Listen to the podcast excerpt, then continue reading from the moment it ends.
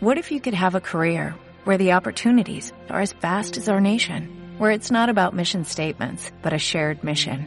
At U.S. Customs and Border Protection, we go beyond to protect more than borders, from ship to shore, air to ground, cities to local communities. CBP agents and officers are keeping people safe. Join U.S. Customs and Border Protection and go beyond for something far greater than yourself. Learn more at cbp.gov/careers.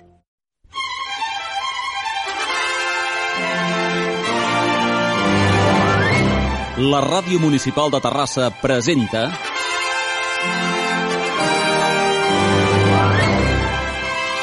Teatre Radiofònic amb la companyia de radioteatre de la 95.2 Ràdio.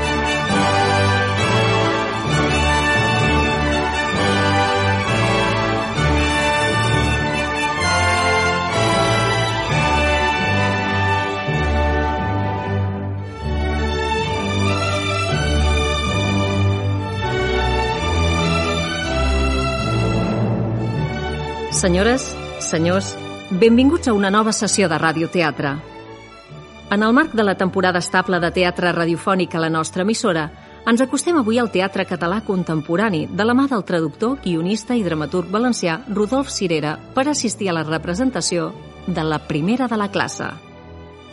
Rodolf Cirera Turó neix a València el 1948 Llicenciat en Història a la Universitat de València, el 1970 és un dels fundadors del Centre d'Estudis Teatrals de València, un projecte que abandona dos anys més tard per fundar conjuntament amb el seu germà, Josep Lluís Cirera, el Rogla, amb l'objectiu de muntar exclusivament teatre en valencià i professionalitzar-lo. D'aquesta època en destaca, sobretot, Plany per la mort d'Enric Rivera, de 1975, una crítica a la repressió de la darrera postguerra. Entre 1975 i 1977, els dos germans Cirera escriuen una trilogia sobre la realitat social i política del País Valencià durant la restauració, que formen el bronzí de les abelles, el còlera dels déus i el capvespre dels tròpics. A banda d'aquests i d'altres títols posteriors escrits conjuntament, individualment Cirera és autor de molts altres títols, com El verí del teatre, que és la seva obra amb més ressò internacional, o Bloody Mary Show, Arnau, la primera de la classe, l'obra que avui us oferim de 1985, La caverna, Maró, Punt de fuga, Ràcor o Trio. A banda de la novel·la i el teatre, la trajectòria de Cirera s'estén també com a guionista de sèries de televisió, tant a Televisió de Catalunya, la radiotelevisió valenciana o Televisió espanyola. Micasa i jo, No emprenyeu el comissari, ni Saga de poder, A flor de pell, Herència de sang, El Súper, Temps de silenci, Mar de fons, Amar en tiempos revueltos o Amar es para siempre. A banda de l'activitat literària, Cirera també du a terme altres activitats. Des de l'establiment de la Generalitat Valenciana fins al 1995, ocupa diferents càrrecs en infraestructures culturals públiques en l'àmbit de l'espectacle. El 2013 s'incorpora al Consell Territorial de les GAE del País Valencià. També ha estat professor associat de literatura espanyola a la Universitat de València i professor convidat a la Universitat de Chicago. A la primera de la classe, l'Anna, professora de dansa en una acadèmia, soltera, ja entrada en la trentena, que viu sola al seu pis, rep, 12 anys després de veure-la per darrera vegada, la visita inesperada de la seva companya d'escola i millor amiga de la seva vida, l'Olga. L'Olga necessita el consell de l'Anna perquè ha marxat de casa i ha abandonat la seva família i està profundament confosa perquè ha de prendre una decisió important. L'Olga té un amant, en Jaume, que abans havia estat també el de l'Anna. Però el fet d'estar casada i tenir dos fills la fa dubtar de si realment ha pres una bona decisió. La conversa s'allarga i es fa tard. Durant la nit, les dues amigues recorden la seva infància i arriben a establir una complicitat que va més enllà de la seva relació d'amistat.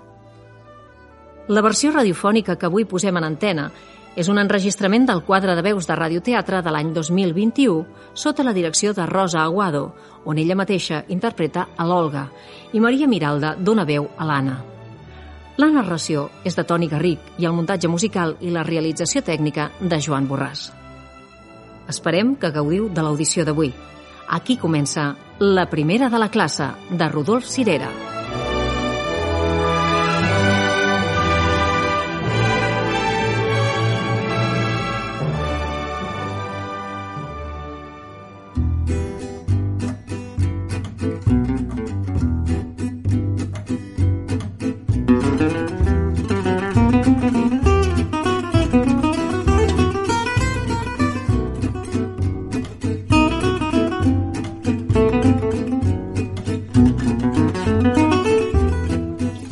Un estudi situat a la part vella de la ciutat. Al fons, una porta envidriada, ara oberta, que dona accés a una balconada tota plena de flors i permet veure les taulades de les cases properes. A la paret de la dreta, en primer terme, la porta d'entrada, que dona una escala minúscula a la barana de la qual una corda acciona un mecanisme que permet obrir la porta del pati. Més al fons, una altra porta que comunica amb un passadís que dona accés a la resta de la casa. A l'esquerra, i en primer terme, una barra de bar substitueix el mur que abans tancava la diminuta cuina i que ara és a la vista. Més al fons, una prestatgeria de fusta de pi, amb llibres i objectes decoratius de tota mena i un equip de so d'alta fidelitat. Al centre de l'estança, una taula de fusta amb cavallets i tres o quatre butaques plegables de lona de colors vius. A l'angle esquerre de la sala, una altra tauleta amb un televisor portàtil i un aparell de vídeo. Sobre el televisor, un telèfon. La cambra està pintada de blanc i el terra emmoquetat de color sorra. Alguns coixins escampats per terra aquí i allà. Del sostre penja una gran pantalla esfèrica de paper de color taronja que juntament amb un parell de llums de peu de ferro negre i pantalles metàl·liques il·luminen la cambra amb una claror massa enèrgica. És una nit d'estiu especialment calorosa. La cambra és buida.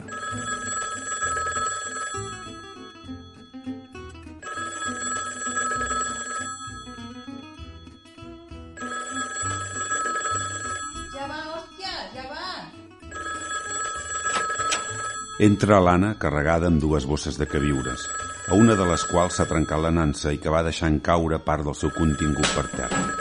Deslliurant-se de les bosses de qualsevol manera, l'Anna es llença sobre el telèfon esperitada. Sí, sí, digui'm. No, el Jaume ja no viu aquí. No, no. Sí, però el cas és que... Ja. Comprenc. D'on se n'ha anat? No, no, no ho sé. No, no. Aquesta mai ha estat la casa d'en Jaume, és casa meva. Ho sento, li deuen haver explicat malament. No, no m'ha deixat cap altre telèfon. Com diu? Que si la Marina deu saber la seva adreça?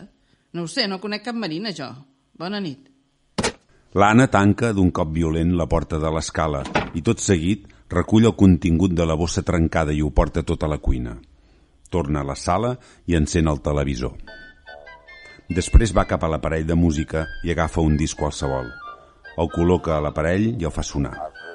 Tot seguit va cap al televisor i en treu el volum. Torna a la cuina, treu de la bossa unes llaunes de cervesa i les posa al congelador. Agafa una capsa de la nevera, en treu el contingut i el deixa dins el forn. Encén el forn i amb el mateix llumí encén també una cigarreta. Torna a la sala. Es treu la camisa i els sostenidors i es descorda la faldilla. Deixa la cigarreta en un cendrer sobre la taula i surt amb la camisa i els sostenidors a la mà per la porta del passadís. Uns segons després, torna a entrar, acabant de posar-se una camisa llarga que li arriba a mitja cama, descolorida i gastada per l'ús. Pren novament la cigarreta i continua fumant. Va tot seguit cap a la prestatgeria i agafa unes sabatilles. Seu a una cadira per treure's les sabates de carrer i per tenir les mans lliures es deixa la cigarreta als llavis.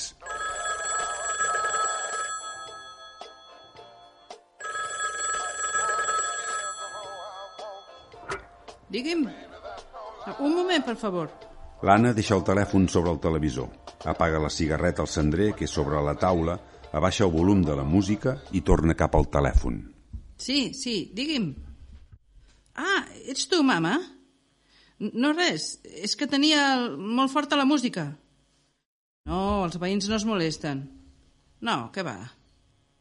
Bé, què volies? Però, mama, quines coses que dius? És clar que sí que m'agrada que em telefonis.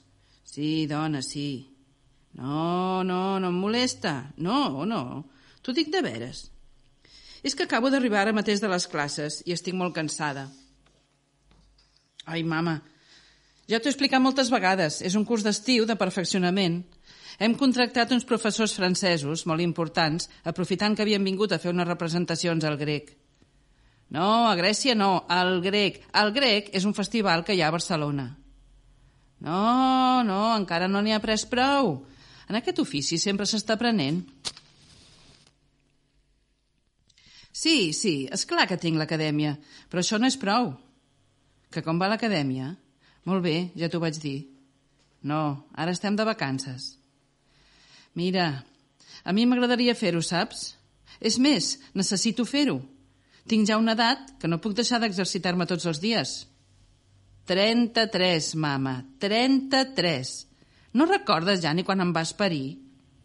Mama, per favor, si no vols cap cosa en concret, jo és que ara tinc... Oi, mama, per Déu, eh? No comencem una altra vegada. Sí, sí, és clar que vull que em telefonis. Telefona'm tots els dies, totes les nits, si et ve de gust. Sí, mama. No, mama. No, mama. No, no crec que pugui anar aquest cap de setmana a Alacant. Sí, però és que no puc, no puc, comprens? Et telefonaré demà si sé alguna cosa. Sí, ja ho sé que penses en mi. Jo també penso en tu, tot el dia. Sí, i a la nit també. Mama, t'he dit moltes vegades que no vull parlar d'aquest tema, i menys per telèfon. Fa molts anys que sóc major d'edat. Sí. M'agrada ser soltera? Sí, senyor, què passa? No penso respondre. La conferència et costarà un ou. He dit un ou. Molt mal parlada, sí, què hi farem? No, això ho he après al carrer. Quan feia la carrera a casa teva segur que no. Ai, mira, ja parlarem demà, eh? Ara deixem-ho córrer, d'acord? No, no estic de mal humor. No, és que tinc la regla. És clar que sí. Això és una altra cosa. Molt bé, moltes gràcies. Sí, mama. Adeu, mama. Tu també. Adeu. Fins demà.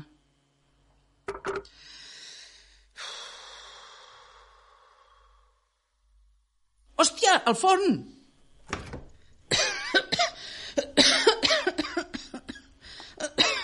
Amb l'ajut d'un drap de cuina, treu del forn el que queda del sopar. Es crema els dits i acaba per llançar-ho a la pica. Obre tot seguit l'aixeta de l'aigua com perquè la tragèdia sigui completa i definitivament irreversible. No, no, no pot ser, no pot ser. Això no pot passar-me a mi. Mare de Déu santíssima. Però què he fet per mereixer... Hòstia, no, no pot ser el sopar a la merda, collons. Engega l'extractor de fums de la cuina, tanca l'aixeta i llença les restes del sopar al cubell de les escombraries. Tot seguit, agafa una de les bosses i treu una ampolla de whisky. L'obre i se'n veu un bon glop a galet. Després surt de la cuina i va cap al telèfon. Abans d'arribar-hi sembla recordar-se d'alguna cosa. Apuja el volum de l'aparell de música, però el disc ha acabat ja. Dóna la volta al disc i quan comença a sonar, abaixa el volum a un nivell prou discret i torna cap al telèfon.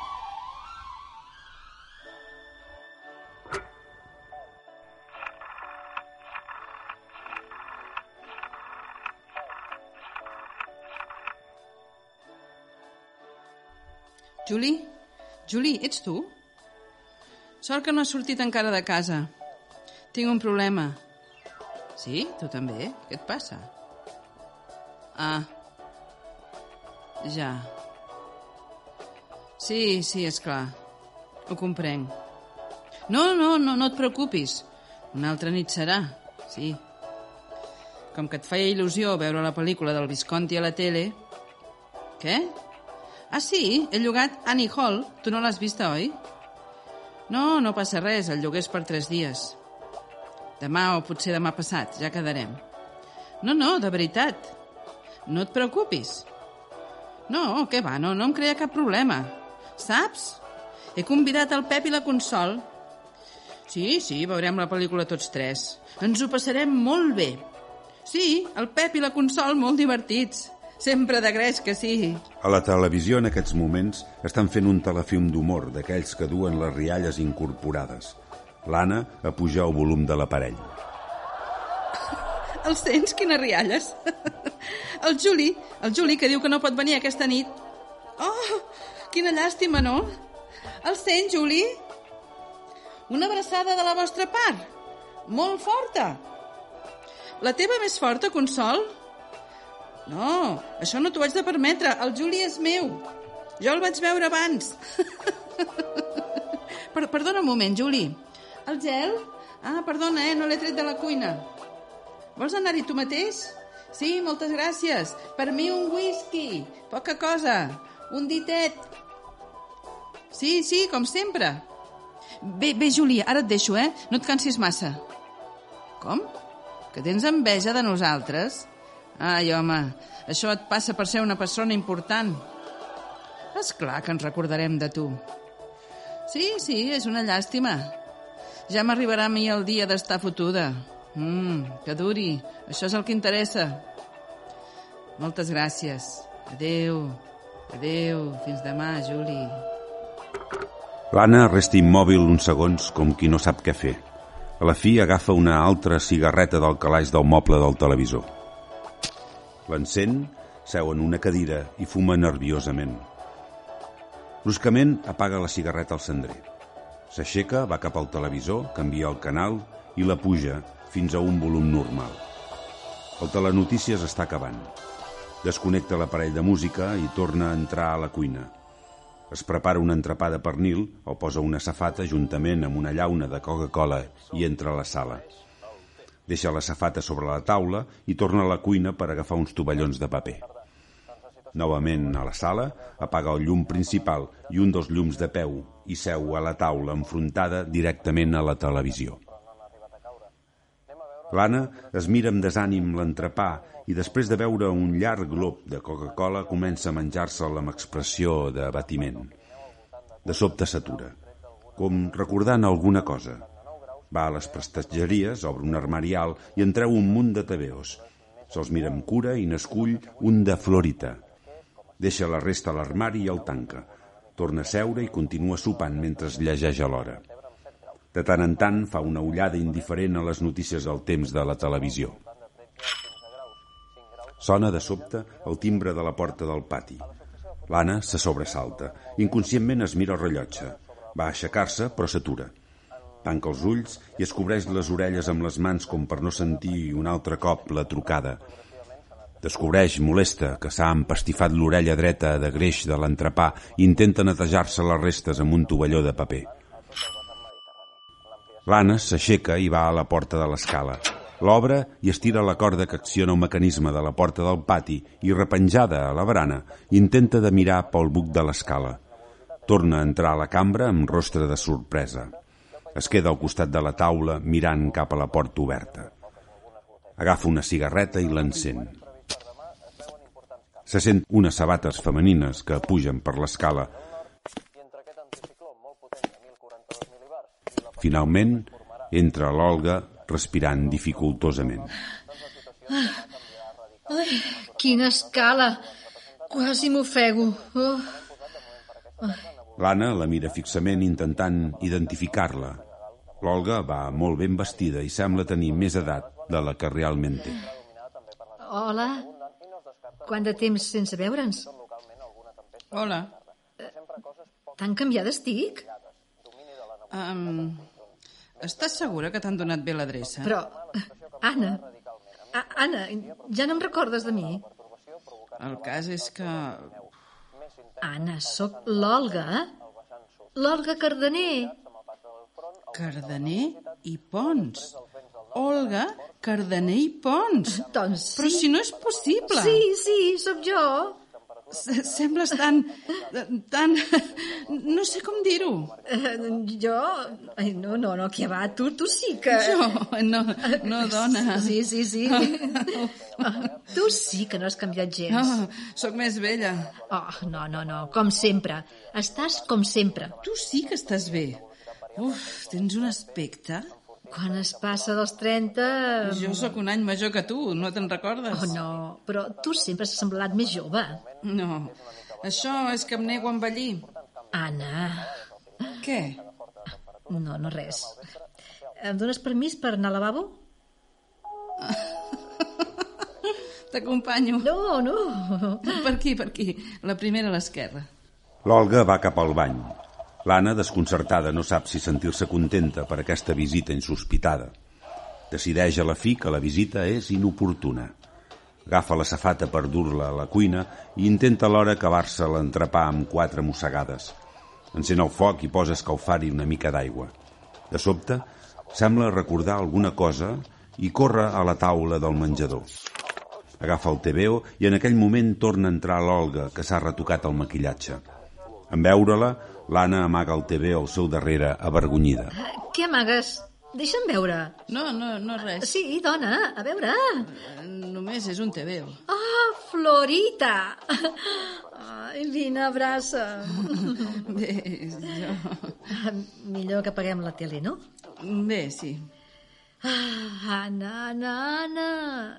Vine, vine. Fes-me una abraçada. Ai, Anna, la meva millor, la més estimada amiga. Quants anys fa des de l'última vegada? 12? Voldràs cafè? He posat a escalfar aigua. Has sopat ja, no? Mm -hmm. Sí. Sense sucre? Oh, no, no, tu no prens cafè, si no té, ho havia oblidat. Olga, per favor, dona, no et posis així. Va, vine, abraça'm. Això no té cap importància. No pots ser tan sensible. Olga, Olga. Jo, jo, jo, jo no prenc cafè. L'Enric prenc cafè. Jo, jo, jo, jo prenc te. No et comprenc, no sé què vols dir. Tranquil·litza't. L'Enric prenc cafè. Jo prenc te. Me n'he anat. No puc més. Però, Olga, què dius? Que m'he anat de casa meva. He abandonat el meu marit. Estic sola. Oh, Anna, Anna. Només et tinc a tu. Olga, per favor, calma't, se- seu una mica. L'aigua està bullint des de fa estona. Preparo el te i ara m'ho expliques tot. Vaig al bany. Olga, Olga, què tens? Que et trobes bé? L'Anna es queda boca badada. Quan reacciona, agafa l'ampolla de whisky i se'n veu, com abans a galet, un glob generosíssim.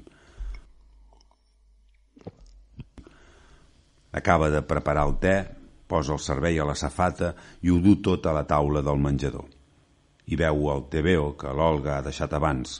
L'agafa i el du a l'armari, on el posa juntament amb els altres. L'Olga torna a entrar. S'ha rentat la cara, s'ha refet el maquillatge i sembla haver recuperat el domini sobre ella mateixa. Ai, és la menopausa. Ets completament boja. Soc encantadora, perquè sóc dèbil, com una nina de porcellana. Bruixa! Sí, bruixa! Sempre has fet dels altres el que t'ha vingut de gust i continues igual, pel que sembla. Una mica de te? Mm, no tinc tabac. El calaix de la tauleta del televisor, però és negre. Ah, per mi és el mateix. Jo no fumo. Té, per tu. Gràcies. Això significa que parlaràs tu.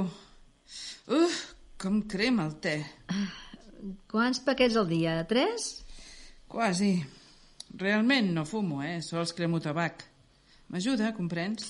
Com totes les persones tímides, sí, sí. Quin curs vas repetir, tu? Quart i revàlida. Llavors no m'agradava gaire estudiar. A mi em van traslladar al teu col·legi quan vaig començar el batxillerat superior. Te'n recordes? Sí. Van ser uns bons anys, aquells. Com has trobat la meva adreça? Ah, això realment fou molt fàcil. Un dia passejant vaig veure un rètol que anunciava la teva acadèmia. Podies haver entrat? Era diumenge al matí. En arribar a casa em vaig mirar la guia de telèfons i figuraves dues vegades. La segona adreça era, evidentment, la de casa teva. No devies pas viure a l'acadèmia. Però no em vas telefonar mai. Per què havia d'haver estat jo la primera? Has estat la primera de tota manera. Tens raó. No havia d'haver-ho fet mai. Els fantasmes del passat és millor no remenar-los. Bé, me'n vaig. Lamento haver-te destorbat la nit. Eh, Sóc un imbècil.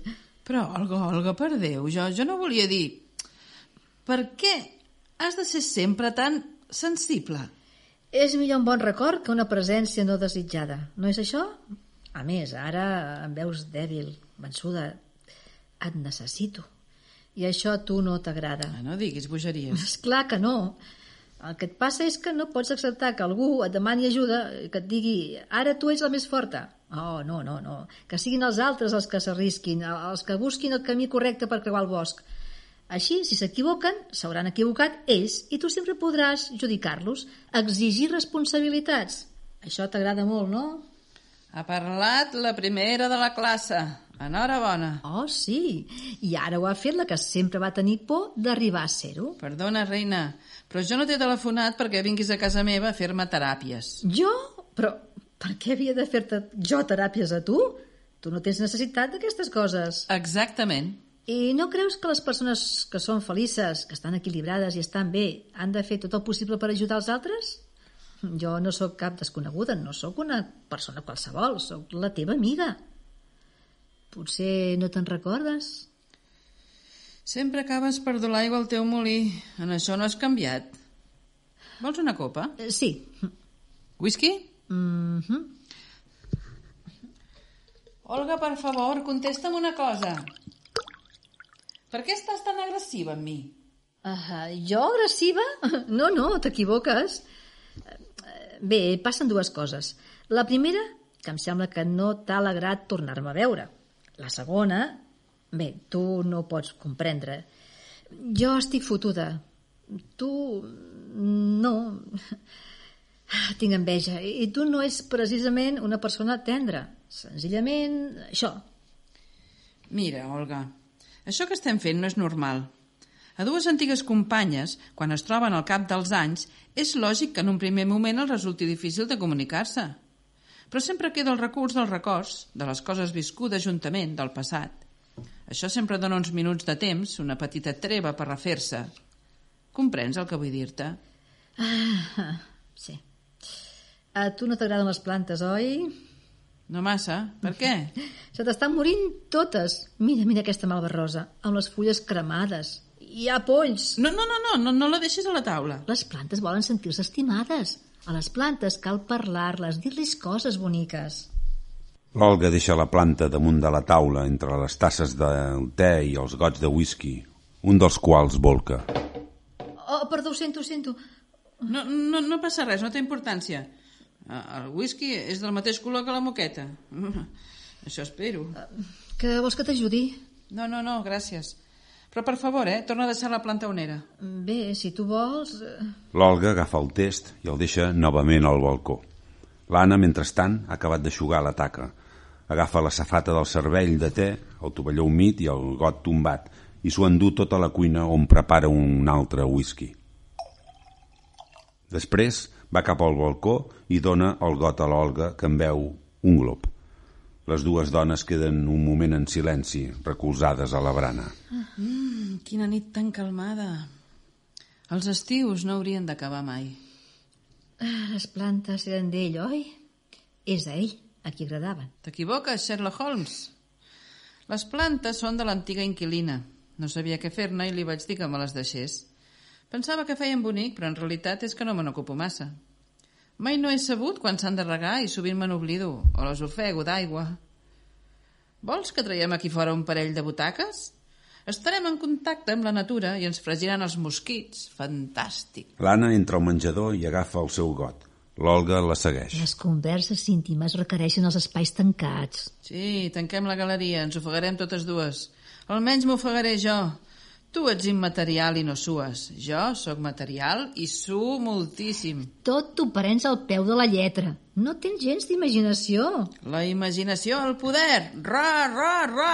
Aquí les classes oprimides. mm, ja no en queda. Series capaç de posar-me tu sola un altre whisky? No tinc gens de ganes d'aixecar-me. L'Olga agafa el got, es veu el que quedava al seu i amb un got buit a cada mà va cap a la cuina. No sé si en sabré. Vols que et faci un plànol? L'Olga gira cap a l'Anna i li treu la llengua. L'Anna es treu la sabatilla i la llança a l'Olga. L'Olga l'entoma al vol i d'una puntada la fa sortir pel balcó i cau al carrer. Gol! Hòstia! L'Anna s'aixeca i va corrent cap a la porta del carrer. En adonar-se que encara porta posada una sabatilla, se la treu i surt descalça llançant malediccions. L'Olga, com si res no hagués passat, es posa a preparar els whiskies. Torna al menjador. Va a deixar els gots sobre la taula i per no tacar-la busca quelcom per posar-hi a sota. Deixa els gots sobre el televisor i comença a regirar el calaix de la tauleta. De sobte, en treu uns calçotets d'home i se'ls queda mirant, divertida. En aquest mateix moment, l'Anna entra per la porta de l'escala amb la sabatilla a la mà i veu l'Olga. Olga, deixa això de seguida. Oh, com vostè digui. L'Olga somriu i molt lentament plega els calçotets i els torna a guardar al calaix. Tot seguit, com en un número d'il·lusionisme, mostra les seves mans buides a l'Anna. Voilà!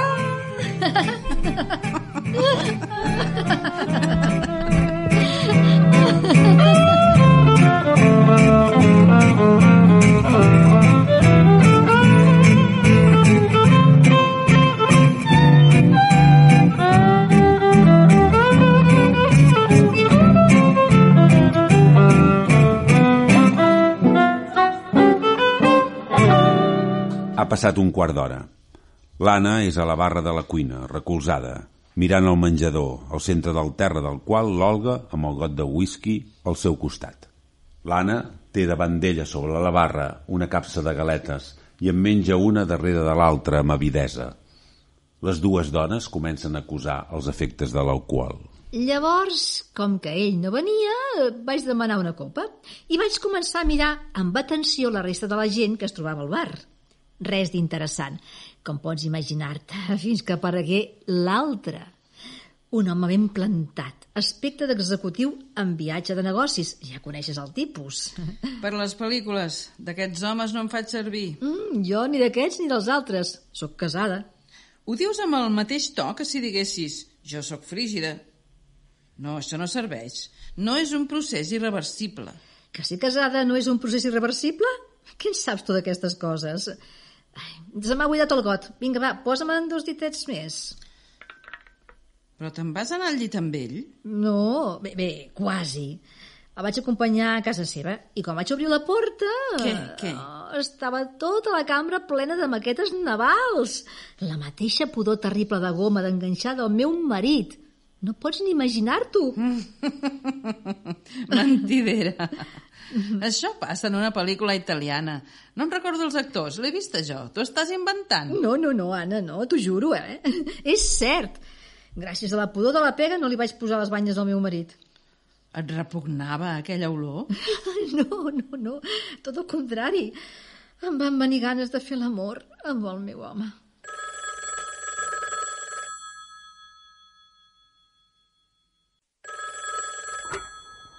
Sí? Digui'm? Perdoni, però no l'entenc bé. Què?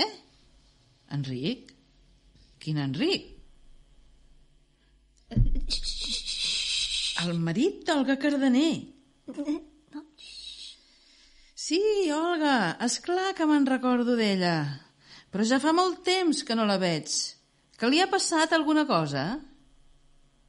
Com? Però fa molt de temps. Aquesta nit mateixa? I s'han dut alguna cosa? Vull dir equipatge, roba, perquè si no s'han dut res... Com? Que s'ho han dut tot? Oh, i el teu cotxe també? No, home, no siguis bèstia. Deixa la policia en pau. A més, si se'n vol anar, tu no pots fer-hi res. Ell és lliure, no fotis. No, home, no. Això no té importància. Comprenc que estiguis nerviós. S'ha deixat la gent de casa i estàs telefonant a tots els números. Sí, això és molt raonable. No, doncs no, no en sé res. Si, si apareix per aquí el teu telèfon, per què?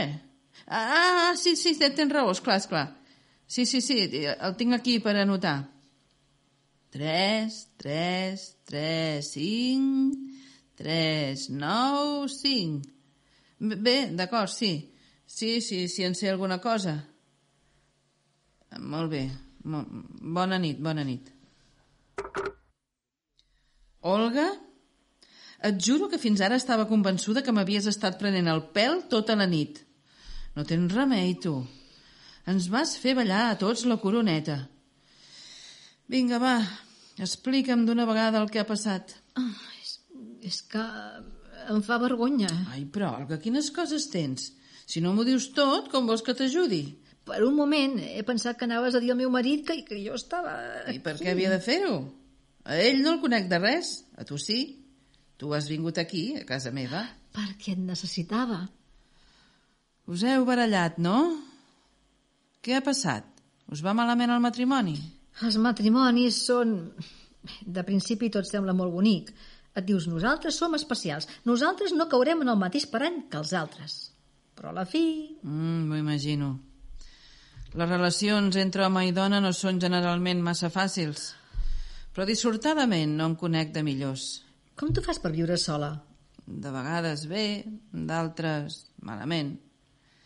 Més vegades malament que bé, per ser sincera. A mi no m'agrada dormir sola. Mm. Teniu fills? Totes les dones casades de la meva generació tenen una filla de 6 anys. Jo no. No vas voler tenir-ne? Sí, amb tota l'ànima. Ho sento. Mala sort. No, no, no, si en tinc. Mm, jo també. Ah, que tu tens nens? Quants? Quants de què? Ai, de què vols que sigui, de fills? De fills? Jo no en tinc cap. Però si acabes de dir-me que, que... Jo no estava parlant de fills, estava parlant de mala sort. Ah, mala sort. I per què? Com que per què? Perquè volies tenir fills, si no en tens. Però si jo sí que en tinc. Però si m'has dit que no en tenies. No, no, el que no tinc és una filla. No te n'has adonat? Tothom té filles. Jo no. Jo tinc fills, dos. Dos nens. Jo m'hauria estimat més una nena, o com a màxim un de cada, però van ser nens, tots dos. Ara són al poble, estiuejant amb els meus sogres. Són dues bèsties negres, un parell de salvatges. Els teus sogres, vols dir? No, no, o, o millor dit, sí, sí. Ells també són dues bèsties negres i salvatges, només que en procés de jubilació. Ai, gràcies, Anna. Ara em trobo millor. Què pensaries si et digués que el meu marit té un amant? No crec que pensés res d'especial. Això és una situació molt corrent. Però no creus que en una parella tots dos han de ser francs? Han de confessar la veritat? Es poden anar amagant les coses. Mm, què vols que et digui? Formular una teoria és molt més fàcil que posar-la en pràctica. Però en aquest cas l'un està mentint a l'altre. I això de vegades resulta més difícil de comprendre. O fins i tot de perdonar. Comprendre, perdonar... Això és el mateix que dir que en el fons de qualsevol relació està implícit el sentiment de culpa. Culpa? No. O, si de cas, l'única culpa de fer-ho d'amagat. Ai, no siguis ridícula. Si t'ho hagués dit, com creus que hauria reaccionat, tu? Imagina't el teu marit davant teu, tot seriós i dient-te Olga, estimada, vull ser franca amb tu. Avui he trobat una dona que m'agrada molt. Jo també li agrado amb ella. Així que, amb el teu permís, hem decidit provar de ser un amants una temporada. Ai, sorprenent. Defens tots els tòpics burgesos sobre l'adulteri. No defenc res. El que passa és que no m'agrada moralitzar. Em sorprèn que tu, precisament tu, diguis aquestes coses. I què prefereixes que digui? Que tots els homes són uns monstres, incloent-hi el teu marit i totes les dones unes víctimes? Doncs bé, si et quedes més tranquil·la, t'ho diré. Visca el feminisme radical! No hauries de jugar amb les paraules. Jo no jugo amb les paraules. Únicament intento ser objectiva. Continuo volent ser objectiva. És independent econòmicament? Vols dir si treballo? Per exemple? Vaig demanar l'excedència fa uns anys. Ensenyament? En un centre oficial.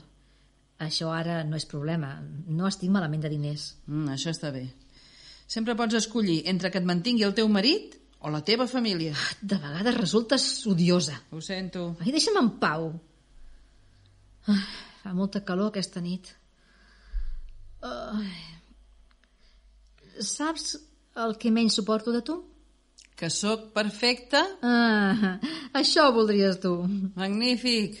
Acabarem per ajustar comptes 12 anys després. No, estimada. El que menys suporto de tu és que creus saber-ho tot i està de tornada de totes les coses i no deixes parlar els altres i de seguida et fas les teves anàlisis i en treus els diagnòstics equivocant-te sempre i a sobre després ets incapaç de reconèixer les teves errades. Molt bé, molt bé. Però jo em soluciono els meus problemes. I si m'ho passo malament, m'ho passo malament a soles. No vaig a donar la conya als veïns. Ah, sí? Sí, Realment em fas llàstima.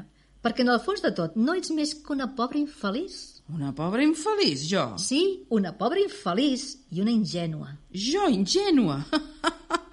Això és l'única cosa que em faltava sentir avui. Ai, encara en sentiràs de més grosses. Com per exemple? Com per exemple, aquesta. Què li deia durant els dos anys que va tardar a decidir-se a venir a viure aquí amb tu el Jaume, la seva dona? Que l'havien fet cap d'una tropa de Boy Scouts o que s'havia apuntat a l'adoració nocturna?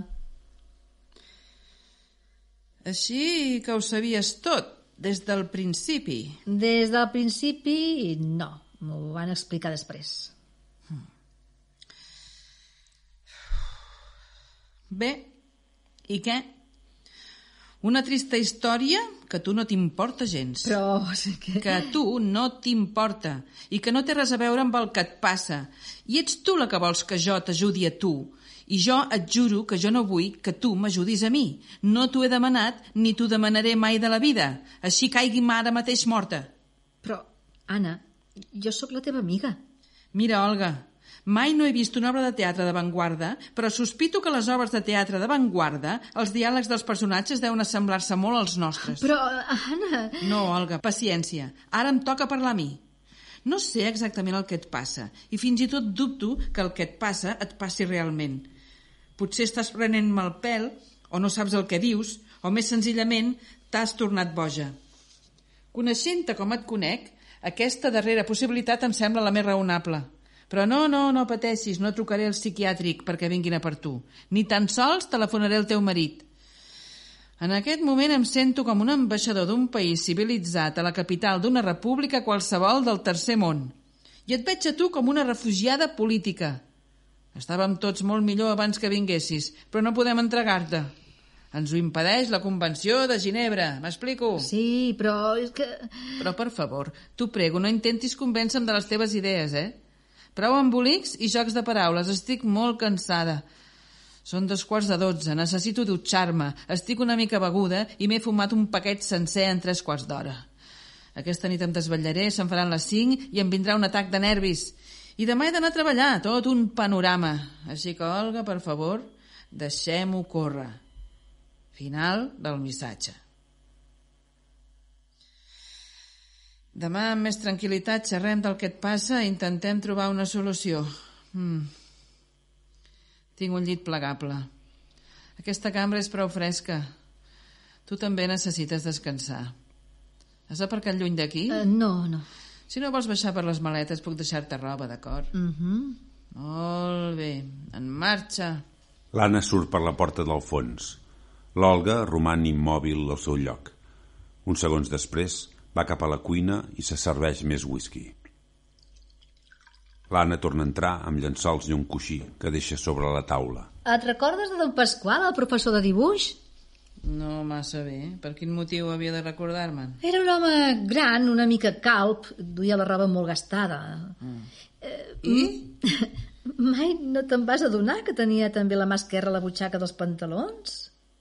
I com se'ns aprovava pel darrere per veure el que estaven fent, molt a prop, molt a prop, fins que sentíem el seu alè al clatell. No, no ho recordo. Almenys aquell temps jo no prestava gaire atenció a aquestes coses. Mm. Olga, per favor, si no t'apartes del mig no acabarem mai. I tampoc et recordes que de sobte un dia don Pasqual va deixar de venir a l'escola I ens el substituïren per una professora, la que donava classe als cursos de les més menudes? Això fou poc abans de la Setmana Santa. I passades les vacances va deixar de venir també l'Àngels Lozano. Àngels? Mm -hmm. Ara, sí. Son pare era enginyer o arquitecte. No ho sé. O treballava al Ministeri d'Obres Públiques. Crec que el van traslladar a una altra ciutat i la família va marxar amb ell. Et duré alguna roba? Ets increïble, Anna. Mai no t'has adonat de res. Amb la història de l'Àngels Lozano no va passar pel cap ni un mal pensament? Jo que sempre vaig tenir fama de moixa, ho vaig descobrir de seguida, però tu... És que... Et puc deixar la camisa de dormir. Anna, estic intentant tota la nit de dir-te una cosa molt important, però no sé com fer-ho. M'ajudes a fer el llit? Ja no llegeixes novel·les policíaques? Novel·les policíaques? Vejam, de quina cosa em parles? Quan fèiem preuniversitari, els llibres d'Agatha Christie de mon pare, te'n recordes? No m'agradaven gaire. Perquè jo era molt més ràpida que tu i sempre acabava per descobrir abans el nom de l'assassí. Aquí no hi ha hagut encara cap assassinat. Ah, no, estimada. No, mira, és una cosa molt senzilla. És simplement qüestió de mètode. Tot el raonament en les novel·les de l'Agatha Christie es basa en un principi. Mai no acceptem que el culpable menteix. Ah, sí? I quina de les dues menteix, si es pot saber? La resposta és ben clara. Tu saps que no menteixes. Bé, i, i a mi què m'importa? Per mi pots mentir tot el que vulguis. No, no, no, no t'equivoques. A tu sí que t'importa, molt més del que imagines. Olga, vull anar-me'n al llit. Anna, no és veritat que el meu marit tingui un amant. Tampoc no és veritat que hagi trobat per atzar la teva adreça. Què vols dir? No t'entenc. Aquesta nit he abandonat casa meva, sí, és cert. Havia pres una decisió, o, o millor dit, havia començat a prendre una decisió. Per això he vingut aquí. Buscant un consell? En realitat, no. Simplement volia veure't.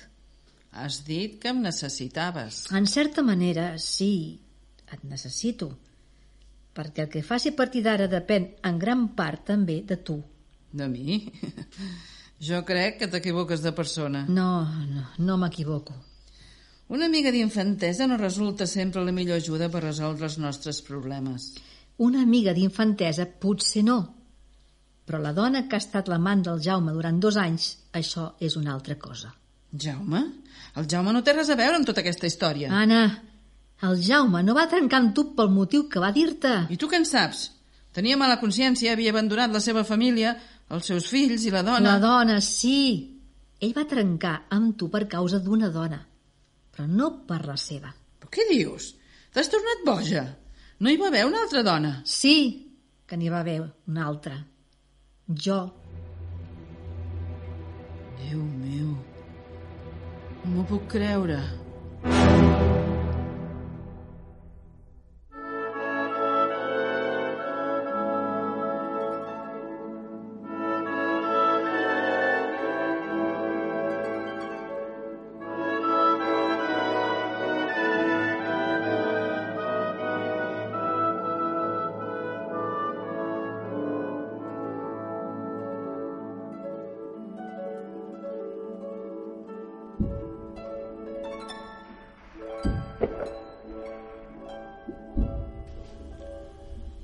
Passat mitja hora. L'escena a les fosques. El cel s'il·lumina periòdicament amb els esclats multicolors d'un castell de focs d'artifici llunyans. L'Olga, recolzada a la brana del balcó, abandona el seu cos al ritme de la música. A poc a poc va separant-se de la barana, s'oblida dels focs d'artifici, es treu les sabates, agafa una flor d'un dels cossiols i comença a ballar molt lliurement amb gestos ampolosos.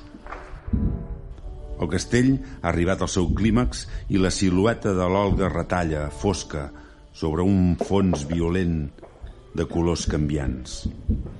Per la porta de la dreta entra l'Anna. Acaba de dutxar-se. Es cobreix amb un barnús vermell i du al cap una tovallola lligada a manera de turbant. Està a punt d'ensopegar amb el llit plegable estès enmig de la cambra. Retrocedeix i va cap al marc de la porta per encendre el llum principal. Què fas aquí a les fosques? No t'has ficat al llit encara? No vull dormir. Oi, afluixa una mica la música. Fes-ho tu, per favor. Ah, jo ara no puc. Està bé, està bé. A la teva acadèmia també doneu classes per persones grans? Sí, Mm, dones de 40 anys, grosses i lletges. no pas totes. I homes? No, homes no. De vegades ve algun xicot que treballa al teatre. Als homes els fa vergonya. No ho sé. Mira, mira, mira això. Mm, mm, No ho faig malament. Ves en compte amb tants equilibris que cauràs. Ai! Ai! Jo, jo, Olga, que t'has fet mal? Ai! No, no, no, no. Va, dona'm la mà. Ai, deixa, deixa, ja puc, ja puc. Eh, No he perdut facultats. Encara sé caure d'una manera artística. No sóc una professional com tu, però em mantinc en forma. Si vols dutxar-te, encara queda aigua calenta. Ah, després, després. Necessito una copa. Més, encara. Una última copa, Anna. Posa-te-la tu mateixa, tot és a la cuina. Però has de veure amb mi. Jo no vull veure més. El que vull és ficar-me al llit. Una última copa. Totes dues juntes, per favor, Anna. No m'agrada veure soles. L'Anna, amb resignació, va cap a la tauleta del televisor, en treu el paquet de cigarretes i n'encén una. En anar a tancar el llum, s'adona que no hi ha cendrer a la taula. Surt al balcó i llença el llumí consumit al carrer. Torna a entrar al menjador. Duus un cendrer? Són sobre la pedra. L'Olga entra amb un got a cada mà i el cendrer sota un d'ells, en difícil equilibri. Amb el colze apaga treballosament el llum de la cuina. Uh, té, el cendrer. I el teu got? Deixa'm seure una estona. No seguis al centre del llit. Pot tancar-se. Gràcies. L'Anna busca amb l'esguard on seure, però com que ha plegat totes les butaques per estendre el llit, no troba lloc millor per recolzar-se que la taula de cavallets. Com és lògic, la taula rellisca sobre els cavallets. L'Anna cau a terra. La taula cau a terra amb estrèpit. El got se'n va de les mans de l'Anna i es trenca. Oh, oh. L'Olga, en lloc d'ajudar, l'Anna, comença a riure violentament tan fort que roda sobre el llit, el qual, per causa de les convulsions de la dona, es tanca sobre ella com la boca d'un monstre, produint un soroll terrorífic. De l'interior del sàndwich que formen el matalàs i l'Olga se senten cada cop més fortes les rialles convulsives d'aquella. L'Anna, que s'havia quedat paralitzada per la sorpresa, no pot contenir-se tampoc i esclata a riure. Se senten cops a terra produïts pels veïns del pis de sota que reclamen silenci. En sentir-los, la rialla de les dues dones es fa encara més forta. Ai, ai, no puc sortir, no puc sortir, no puc sortir, ajuda! Ja t'ho he dit! Ja t'ho he dit! Que el llit es tanca! Estàs donant cops, estàs donant cops. Ai, són els veïns! Sí, se'ns ha ensorrat la casa! Se'ns ha ensorrat! Ai, no puc més, eh? No puc més. Ai, ajuda, ajuda, ajuda. L'Anna, mig plorant per la rialla, s'aixeca, va cap al llit i treballosament l'obre. De les seves entranyes despentinada amb la roba d'en desordre i el got buit a la mà, surt l'Olga, congestionada de tant de riure. Estàs bé? Estàs bé? Se t'ha menjat el monstre! Doncs mira que tu, tota seriosa, t'apuntaves a la taula, no? Tota seriosa com la Laura en va a casa. No se t'ha trencat el got? No, no, però se m'ha vessat tot el whisky per damunt. Ha estat tot el matalàs xoc, tots els llençols. T'has pixat al llit! Però amb trossets de gel, amb trossets de gel. Com que som a l'estiu.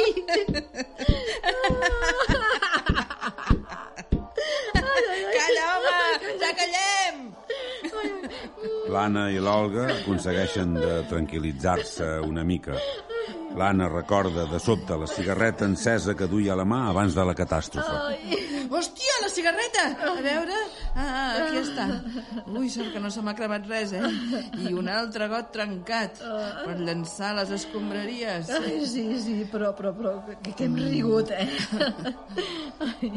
L'Anna va cap a la cuina, llença els vidres a la brossa i torna amb un drap per aixugar el whisky. En passar pel costat de l'aparell de música, treu el disc que ha estat sonant durant tota l'estona i el substitueix per un altre. Això, això, marxa, marxa, marxa. L'Anna aixuga el whisky i recull el cendrer, el got buit de l'Olga i els trossos de gel que queden entre els llençols del llit plegable.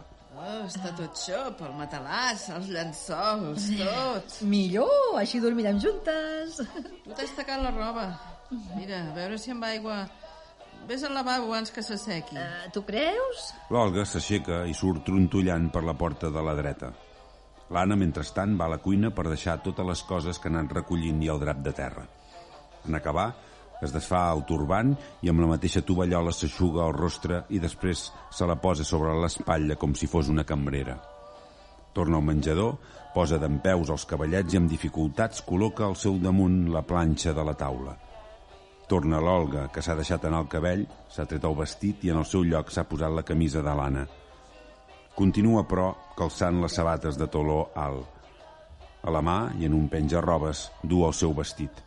Surt al balcó i l'enganxa en un dels fils d'estendre. L'Anna ha acabat, mentrestant, de muntar la taula. Era bonica aquella música. Fa tant de temps que no ballo. I tu?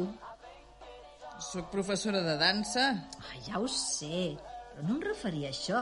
Vull dir, ballar, com antigament, amb una parella. Allò que t'oblides de les passes, del ritme, de tot, i només vols sentir contra el teu cos el cos de l'altre. Des una cigarreta? Allà, al calaix de sota la tele. Vols fumar? Uh, sí. No puc veure més, de moment. És per tenir alguna cosa a les mans? L'Olga va a la tauleta, obre el calaix i en treu un paquet de tabac i els llumins. Només en queden dues. Vols tu l'altra? Mm. Mira si trobes un cendrer. Estic rebentada. Té, la cigarreta. Ara porto el cendrer. Al teu marit no li agrada ballar? L'Olga deixa el cendrer a terra, davant de l'Anna, i seu als seus peus, amb el cos recolzat al llit plegable. L'Enric fa molts anys que està obsessionat a convertir-se en un adult. Al Jaume aquestes coses li feien vergonya. L'infant. Bé, tu deus saber tan bé com jo.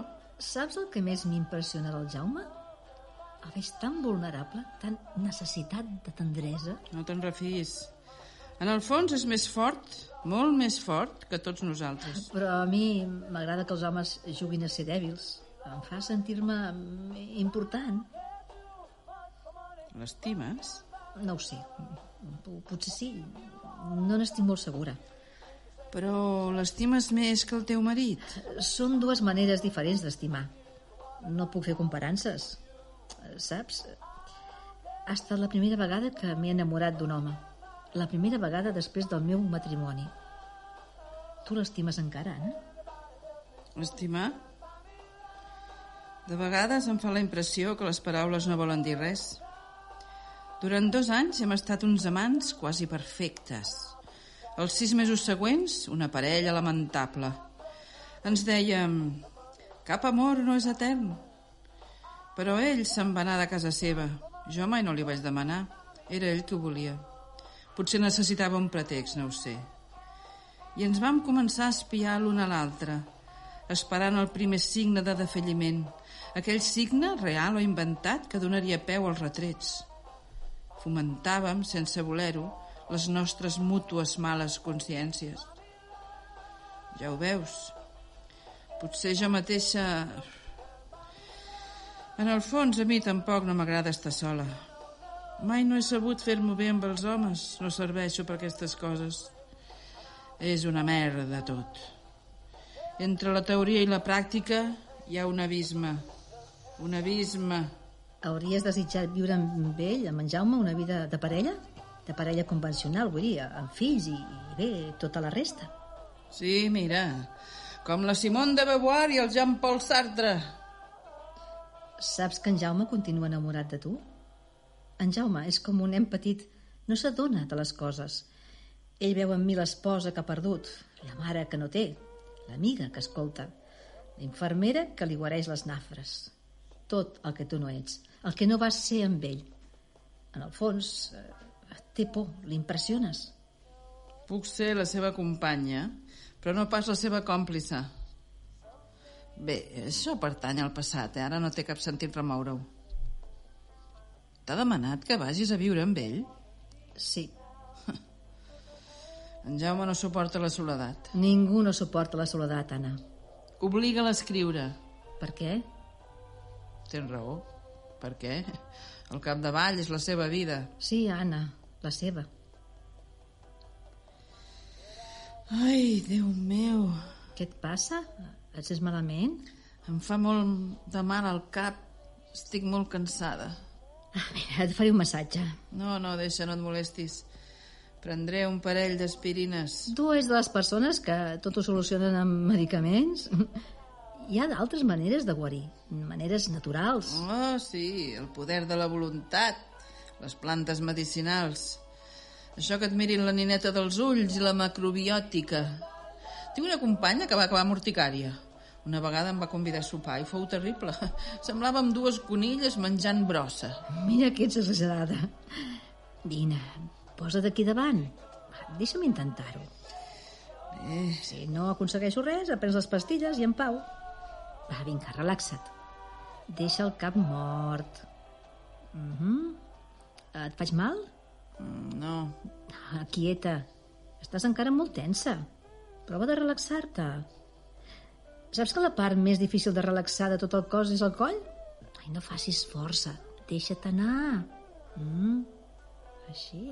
Va bé? resulta molt, molt agradable. Em sap greu per tu, et cansaràs. Calla. En moments així em sento molt egoista. No siguis ridícula. Accepta el que et donen els altres. Deixa de pensar en els altres. Pensa en tu mateixa. Segur que tu ets de les persones que, quan fan l'amor, estàs tan obsessionada pel plaer de l'altre que obliden el seu propi. T'entens bé al llit amb el teu home? Amb l'Enric, mm, de sempre. I, i amb el Jaume? El Jaume és molt bon amant. Preguntes coses que ja saps, Anna. O, o potser amb tu no... No, bé... Tampoc no té gaire importància. Realment, el Jaume ho té tot en contra seva. Potser per això t'estima. Asseguda com ets, em resulta difícil. Necessites que et faci un massatge a, a les espatlles. Això acabarà de relaxar-te. Així. Et trobes millor? Oh, sí, molt bé, molt, molt bé. Si estàs cansada, deixa-ho. No, no, no, no, no estic cansada. Vine, vine. L'Olga interromp el massatge. Va cap al llit plegable. En treu els llençols que deixa el capçal fets un manyoc. Agafa un matalàs, li dona la volta i el posa directament sobre el terra. S'hi agenolla a sobre. Què fas? Què vols fer? Vine aquí. Estira't damunt el matalàs. Vine, dona, vine. L'Anna s'aixeca i avança cap a l'Olga sense saber ben bé què fer. L'Olga copeja amb la mà suaument a un matalàs davant d'ella, incitant a l'Anna que hi vagi. L'Anna s'agenolla amb timidesa al matalàs davant l'Olga. Si no et treus la bata, no podré. Lentament, l'Anna es descorda la bata i la deixa relliscar espatlles avall fins que queda nua davant l'Olga. Així? L'Olga, sense deixar de mirar-la, assenteix amb tendresa. Després, amb gestos lents i delicats, posa les seves mans sobre el rostre de l'Anna, les fa retrocedir a poc a poc cap a la nuca i les espatlles. Després, suaument, atreu el cap de l'Anna cap a ella. Lentament els seus rostres van apropant-se fins que a la fi els llavis de les dues dones es troben. Yesterday. Love was such an easy game to play. I need a place to hide away. Oh, I believe in yesterday.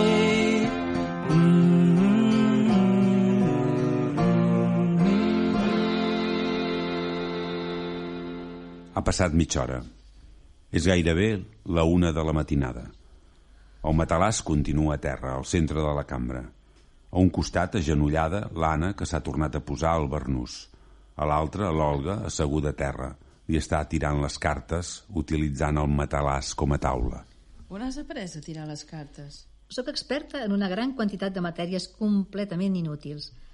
Això m'ho va ensenyar una cunyada meva. Aquesta baralla és del Jaume. Oh, sí. Tots els racionalistes els atrauen molt aquestes coses. Anem a veure. Saps que estic morint-me de fam? Mm, jo també. Encara queden galetes, en vols? Sí, sí, sí, per favor. Ara mateix? I no es trencarà l'encantament si ens posem a rosegar galetes. Igual que si no en mengem i ens comencen a cantar els budells. Uf, quines cartes! Ho tens fotut, nena. Sí? Primer, dus les galetes. Ah, tens eh, Coca-Cola? Adoro la Coca-Cola. Pateixo síndrome d'abstinència. A casa la tinc prohibit als meus fills. Els estic educant en la falsa creença que és una beguda dolentíssima. Va, vinga, mou-te, va, va. L'Anna es posa dreta i va cap a la cuina. De la nevera treu unes llaunes de Coca-Cola i prepara les begudes. La vols en gel? Amb gel i unes gotes de whisky. Unes gotes de whisky? Quantes? La suficient perquè no sàpiga a Coca-Cola. Eh, Va, digues un número. Què? Digues un número, el que vulguis. Un número... El 46. L'Anna torna de la cuina amb una safata sobre la qual du les begudes i la capsa de galetes. La deixa sobre el matalàs al costat de les cartes i seu altre cop a terra. El 46 no pot ser. Em queden només 12 cartes. Doncs... El 4. No, el 4. Malament, malament. Tot es confirma. Però, però què, què diuen? Mira, això és la teva situació present, la lluna. La lluna és l'astre de la nit. Significa foscor, tristesa, manca d'il·lusió. Un mal moment personal? Sí, més o menys. Però tu vols sortir-te'n, però no acabes de trobar el camí. Veus? Hm? Els amants. Això vol dir una elecció. També pot ser una decisió entre dues persones. Perquè en el teu passat recent troba el diable, algú que ha exercit sobre tu una influència negativa, que l'exerceix encara. Evitem noms propis. Mm, això tu mateixa, jo em limito a llegir. I ara, en el futur pròxim, un encontre. Un altre home. T'he dit jo que el diable era un home? El diable és una figura masculina. El diable és un àngel, i els àngels no tenen sexe. Alguns sí. Continua. Bé, en aquest cas concret sí que és un home. I un home que et pot ajudar. El conec? Possiblement encara no. O tirant llarg estàs a punt de conèixer-lo.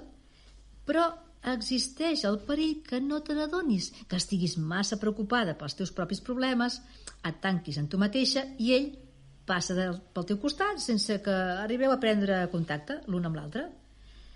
Així que vés amb cura. Tindré els ulls ben oberts. Home que se m'apropi, home que cau, per si de cas. Sí, sí, sí, sí, sí. Tu, tu riu. Ah, ai, no aguanto més, eh? Ah, estic morint-me de son. Ja no queden galetes. Se'ns han acabat les subsistències. Què més diuen les cartes? Ai, ja no veig ni el present. Ah, no ho sé, no ho sé. De sobte m'ha caigut el món a s- a sobre, al damunt. Home, de, de, per això, tant de misteri. Ai, anem-nos a dormir, Anna. Tu no tens son? Jo son? Ni gota. M'ha passat l'hora per culpa teva. Has fet que em desvetlli i ara ni tan sols acabes de tirar-me les cartes com Déu mana. Ai, com vols que em mani Déu, dona, si, si això és cosa de, de bruixes? Quines coses tens? Ai, va... Uh, un llit, va, un llit, un Ah, llit. no, no, no, no, no, ni pensar-hi. Abans eres tu la que no em deixava dormir a mi, així que espavila't. Quina hora és? Molt d'hora, la una i deu. Va, què més diuen les cartes? Ah, les cartes, ai, les cartes, però després em deixaràs anar-me'n a dormir. Després ens n'anirem a dormir totes dues. Què ve ara? On érem? Ah, sí, sí, sí. Aquesta carta és com, com et veu el món. Vull dir, la gent que t'envolta. L'emperadriu. És una bona carta, no? Sí, però està invertida. O sigui que totes les qualitats positives de la carta es converteixen en negatives. Tu et creus la reina del món, però ells es pensen que ets una persona afectada, plena de vanitat. Una persona insuportable. No carreguis les tintes. Jo no. Aquesta... Eh, els teus sentiments, els teus temors més pregons, el foll, la follia, et fa por tot allò que sigui irreflexiu. No et lliures a la teva pròpia espontaneïtat i, i impedeixes que arreli en tu qualsevol sentiment que després no puguis controlar. Una repugnant persona d'ordre, això és el que ets. Eh, eh, eh, eh. Tu has volgut que te les llegís, eh? Sí, però ho estàs fent d'una manera molt particular. Ah, el que passa és que a tu no t'agrada sentir les veritats. Veritats? Això és un joc estúpid. Ah, molt bé. Va, anem-nos al llit. No, no, no, no, no. continua. És que no m'agrada deixar les coses a mitges. Veus, tu? Mm, És una persona d'ordre, com et diuen les cartes. Mm. Tot en tu és ordre, mètode, sistema. La teva casa, la teva vida, els teus sentiments... I això que tu ets una dona molt menys convencional que no pas jo. Què vol dir convencional? Jo sóc convencional. Casada, dependent econòmicament del meu marit, amb dos fills i un amant, i tanmateix sóc molt més divertida que tu. Molt més boja, vols dir? Veus tu? Sí. Ja ha sortit altre cop la follia. Continuo. I ara la predicció. Una bona carta, el sol, però també invertida. I això significa? Millor que tu llegeixis tu mateixa. On és el llibret? A veure aquí. Ah, mm, aquí. Ah. Si no, després diràs que li dono una interpretació tendenciosa. El sol invertit significa èxit retardat, felicitat que trigarà molt a arribar i també dificultats per quallar una unió sentimental, impossibilitat d'aconseguir l'èxit per manca de comprensió dels altres, excés de vanitat, manca de mà esquerra, de tacte. M'oblido alguna cosa? Molt bé, senyoreta. Avui s'ha pres molt bé la lliçó, li poso un 10. Enhorabona. És clar que ho faig bé. Jo ho faig bé, tu ho fas bé, nosaltres ho fem bé. El què? Tot, Anna, tot. Tu creus? El que manca a l'una, l'altre ho té en escreix. Faríem una parella fantàstica. No ens suportaríem. Sí, ens suportaríem. No seríem una parella, seríem un matrimoni. Mm. Saps una cosa? Mai no arribarem a fer res d'extraordinari a la vida. Ara ja no. Tot el que queda és assajar-ne noves variacions. Noves variacions de la mateixa melodia. De vegades no et venen ganes de fugir de tot això? Mm? Conèixer altres gens, altres països? Cada nit un cel diferent sobre nosaltres, unes paraules diferents a cau d'orella, uns llavis diferents tancant els nostres llavis. Oh, sí, i músiques llunyanes, el misteri de la naturalesa salvatge, el soroll de la mar trencant dolçament contra la sorra de la platja. Indígenes amb collarets de flors i túniques multicolors que després resulten ser antropòfags i se'ns mengen. Oh, sí! I després a l'illa no hi ha supermercats i no podem comprar compreses ni desodorants ni dentrífics ni res. Oh, quina tragèdia! Per exemple, Eh, podem fer una altra cosa.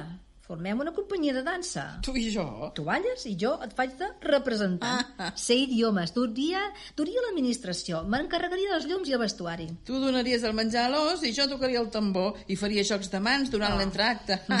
Podem començar demà mateix. Ah, no tenim os. Això, això és fàcil, ja en trobarem un pel camí. No hi ha sortida, doncs? A mi no em cal cap sortida, Olga. Jo he trobat ja el meu lloc. Que estrany que resulta sentir-te dir això, Estrany? Per què? perquè suposo que hauria de tenir-te enveja, però no te'n tinc. Si te'n vas a viure amb el Jaume, què en faràs dels teus fills? Els meus fills? Ai, els meus fills? No ho sé, no ho sé ara. Per, per què preguntes això? Perquè són els teus fills, perquè els estimes... Has de pensar en això també, no? Ah, Però no ara, ara no, per favor. Els meus fills són una cosa exterior a mi, no són jo mateixa. Els estimo, és clar que els estimo, però no són jo, no, no poden decidir per mi. O, o, sí que poden. O, o poden fer-me decidir d'una manera o de l'altra, no ho sé, no ho sé. Ara no puc pensar-hi, no. Ai, Anna, maleïda siguis, jo... Deixa'm somiar una mica, deixa'm imaginar que el temps s'ha parat unes hores, que, que aquí puc ajornar les decisions i, i veure protegida. No comprens, Anna? No et demano respostes ni solucions. Únicament una mica de pau. Anna, Anna, Anna, una mica, una mica de pau, una treva. Després ja, ja, ja faré el que cal fer. És clar que ho faré. Però després, Anna, després. Aquesta nit no, no, per favor, no, t'ho suplico, aquesta nit no. No, em trobo tan cansada. Tan cansada. Anna, Anna, dona'm la mà. Anna, t'estimo. Anem-nos-en al llit. L'Anna s'alça sense deixar anar la mà de l'Olga per ajudar-la a aixecar-se. L'Olga es posa dreta amb dificultats. Vacila i està a punt de perdre l'equilibri. Olga, estàs bé? Oh, ai, el cap em fa voltes. Ai, has begut molt i ara d'incorporar-te. Mareig, quin mareig. Oh, estàs amarada de suor. Ai, crec, Tremoles. Crec, crec que vomitaré al bany. Això no és res, dona. Vine, jo t'acompanyo. Et sentiràs millor després. L'Anna pren l'Olga per les espatlles i la fa anar cap a la porta de la dreta. Abans d'arribar-hi, l'Olga té una contracció més violenta. Es desfà dels braços d'Anna i surt corrents en direcció al bany. L'Anna la segueix corrent també. Però, Olga, Olga, encén el llum. A veure si ensopegues.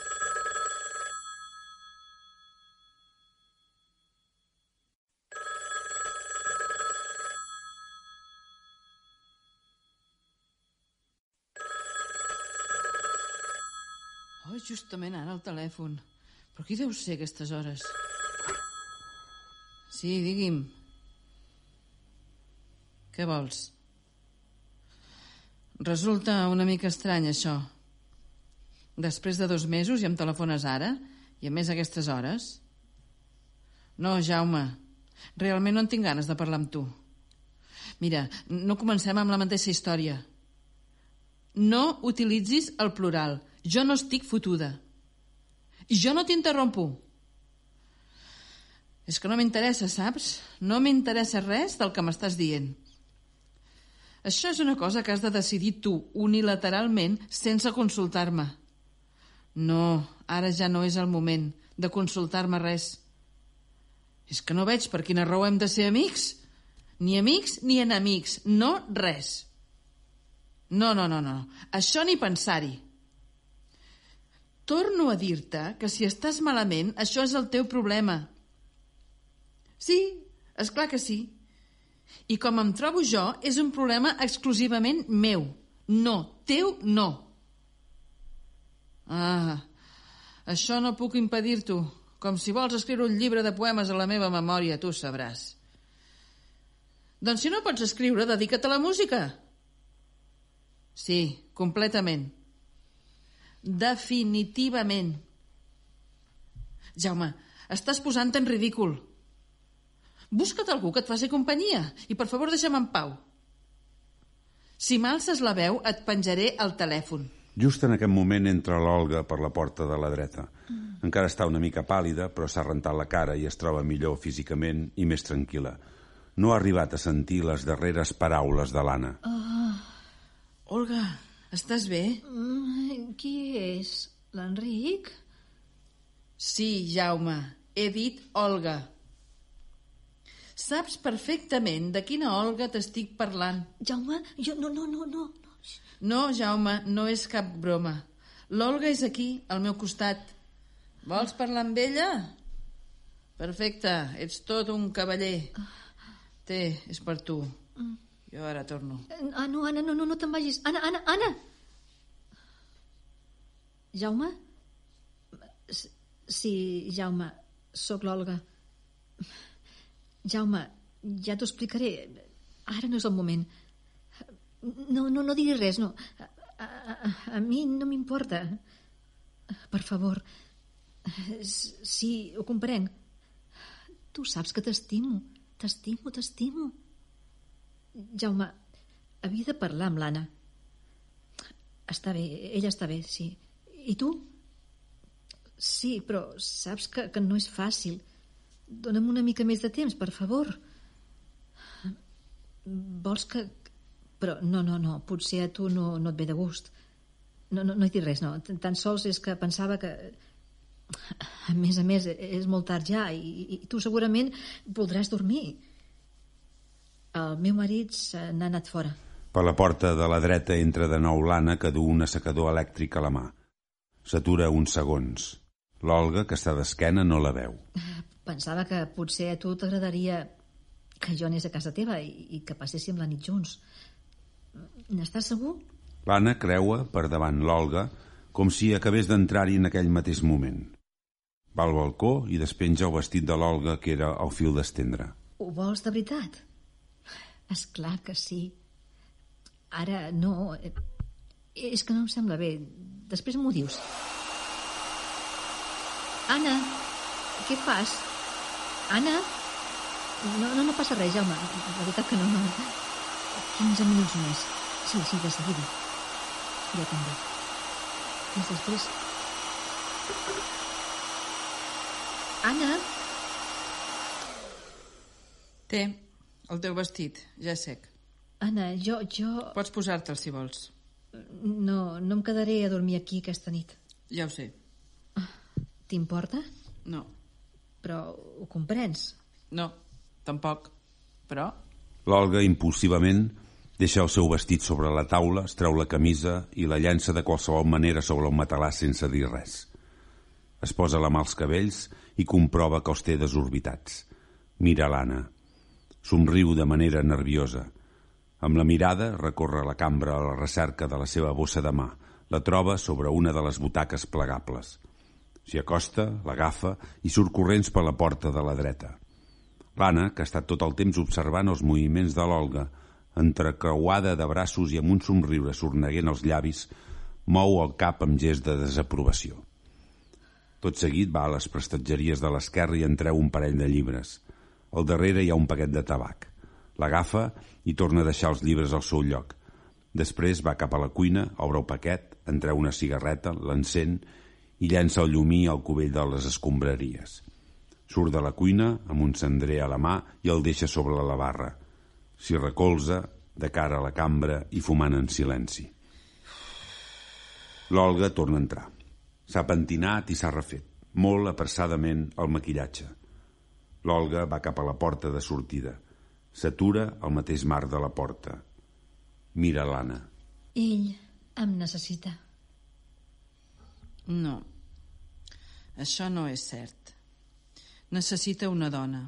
Tu i jo, qualsevol altre serviríem.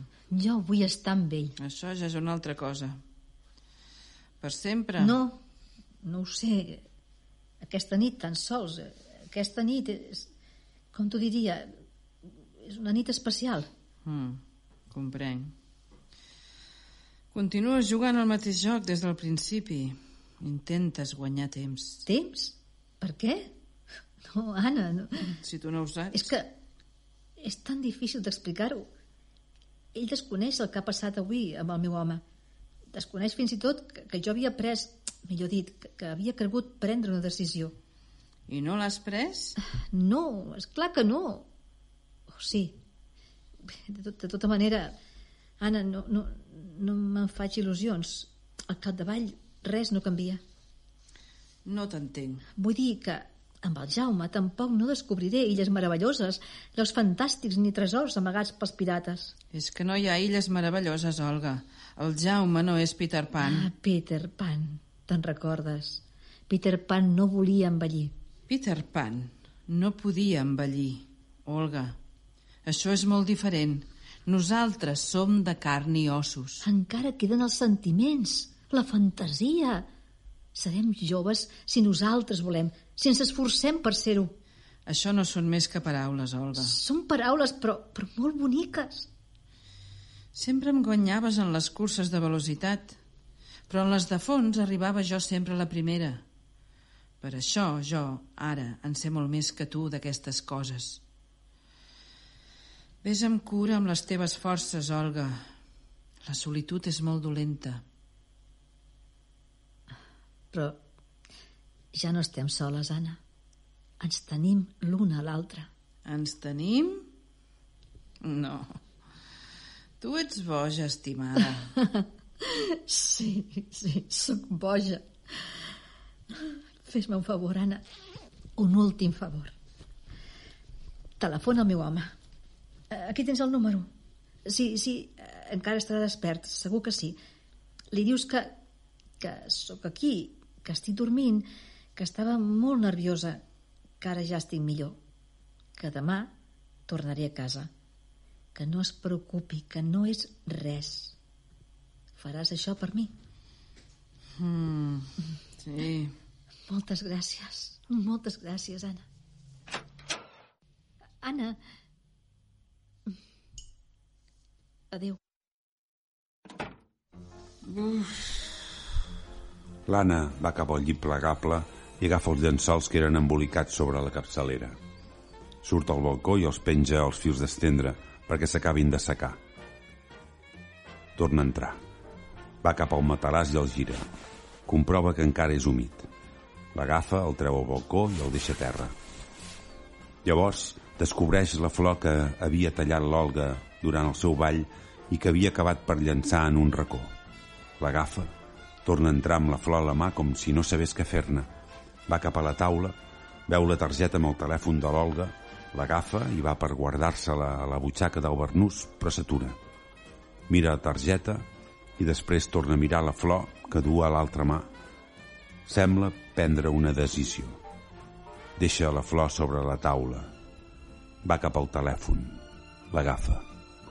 Deixa la targeta al costat de l'aparell i marca un número.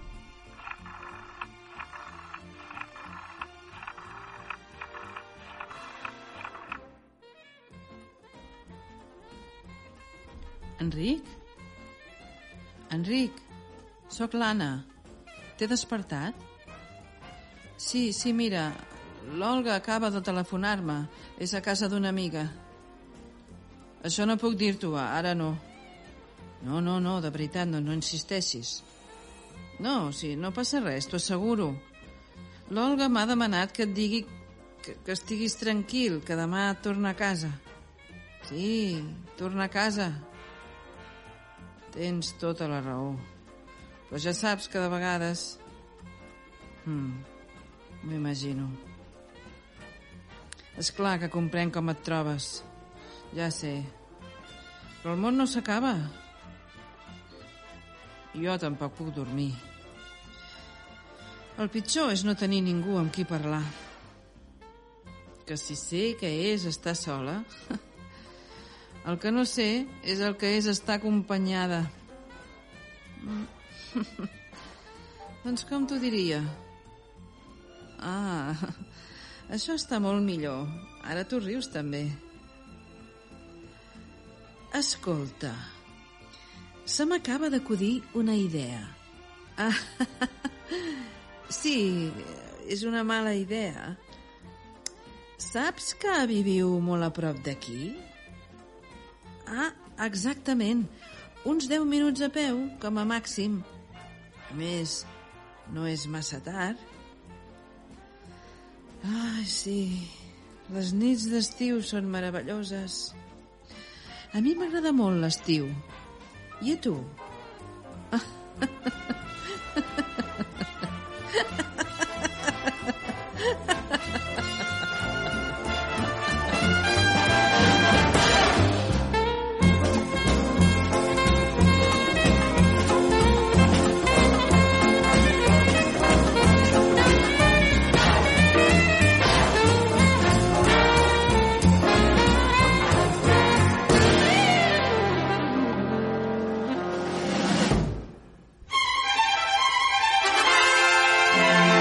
Fins aquí la primera de la classe, de Rodolf Cirera, en un enregistrament del quadre de veus de ràdio-teatre de l'any 2021. Esperem que hagueu gaudit de la nostra audició d'avui i us emplacem fins la propera setmana a aquesta mateixa hora en una nova sessió de teatre radiofònic. Recordeu que podeu fer-nos arribar les vostres impressions i suggeriments a l'adreça electrònica correu arroba radioteatre.com o bé per carta a la 95.2 Ràdio, plaça de la Farinera 5, 08 222 de Terrassa.